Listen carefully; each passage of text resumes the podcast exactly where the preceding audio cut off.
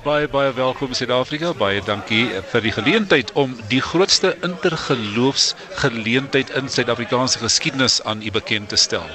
So saam met my hier by die RSG ateljeetjie is Dr Wouter van Wyk en uh, Dr Andre Ungerer van die Nederduits Hervormde Kerk.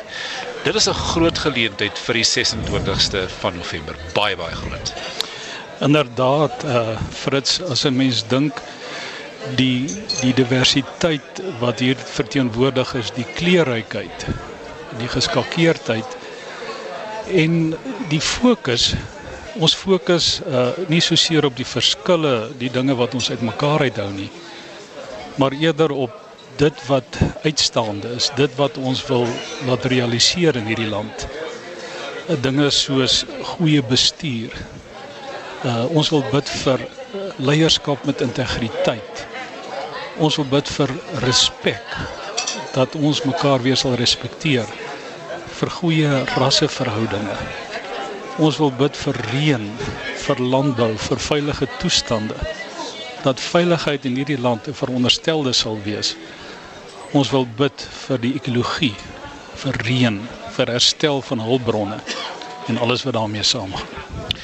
Wouter, waarom gebed? Hoe sal gebed ons uit hierdie situasie uit van Suid-Afrika? Soos Patrice opgemerk het dat uh dat die gebed is eintlik soos die soldaat met sy ammunisie. Dit maak 'n mens sterk. Is dit wat dit doen? Ja. Fritz, in die eerste plek wil ek sê ons word almal gekonfronteer deur dieselfde uitdagings. Al ons land se burgers word gekonfronteer deur die baie moeilike ekonomiese omstandighede waarin ons moet leef. Ons word gekonfronteer deur die realiteite wat die landbousituasie op ons afdwing, deur die veiligheidsprobleme waarmee ons te kamp het.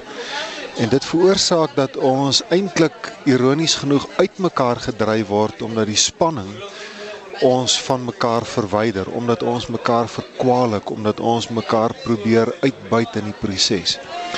En dan wil ek sê is 'n gelowige se oplossing daarvoor om introspeksie te doen, om jouself te ondersoek, om dit voor die Here te bely in gebed. En dan verander die gebed jou as 'n mens. Hier vanaf vorentoe na die 26ste is nog 'n aanloop om mense bewus te maak want ons wil die FNB stadion vol mense pak daai dag. Maar daar gebeur baie dinge nog vorentoe. Hoe wat gebeur hier vanaf en wat gebeur op die 26ste van November? Baie interessant Fritz dat ek dink die Vrydag is die moslim gemeenskap bid hulle op verskillende plekke maar ook spesifiek in die Kaap is daar 'n plek geïdentifiseer dan die Saterdag die Joodse gemeenskap En baie meer spesifiek die Sondag, die 26ste, gaan dit die Christen gemeenskap van die land wees. So kerke oral oor is besig om te mobiliseer. Uh, daar is kerklike leiers hier verteenwoordig. En die gedagte is dat daar gemotiveer sal word dat indien moontlik soveel as moontlik van lidmate en die mense die dag sal kom na die FNB stadion. Wouter, net so kortliks voor ons terugskakel. Jy het nou vandag vir die eerste keer saam met soveel verskillende gelowe bymekaar gekom, 'n intergeloofsvergadering wat ons vandag hier gehad het. Wat is jou indrukke? Hoe is jy ontvang? Hoe, hoe ontvang die mense mekaar en wat dink hulle van hierdie idee? Kry jy daai krag van hulle? Ja, ek moet daarom dadelik sê Fritz, uh, nee, dis nie die eerste keer nie. Ons het uh, al 'n paar jaar lank uh, wat ons die pad stap saam met die Motsepe Foundation. En eintlik wat die Motsepe Foundation uh, ons bied is 'n platform waar mense uit die gemeenskap met mekaar kan praat en dan ook verskillende geloofsgemeenskappe. En die mooi is dat ons hier die res, die verskille tussen mekaar respekteer maar mekaar met respek behandel. En dit beleef jy deurentyd. Dit sien jy om jou as jy kyk hoe die mense met mekaar praat, hoe hulle mekaar groet. Ehm um, en ons aanvaar ons is verskillend, maar ons het nog steeds waardering vir mekaar as mense. Een van die sprekers het gesê Suid-Afrika is nie moeilikheid en dis waarom ons by mekaar is.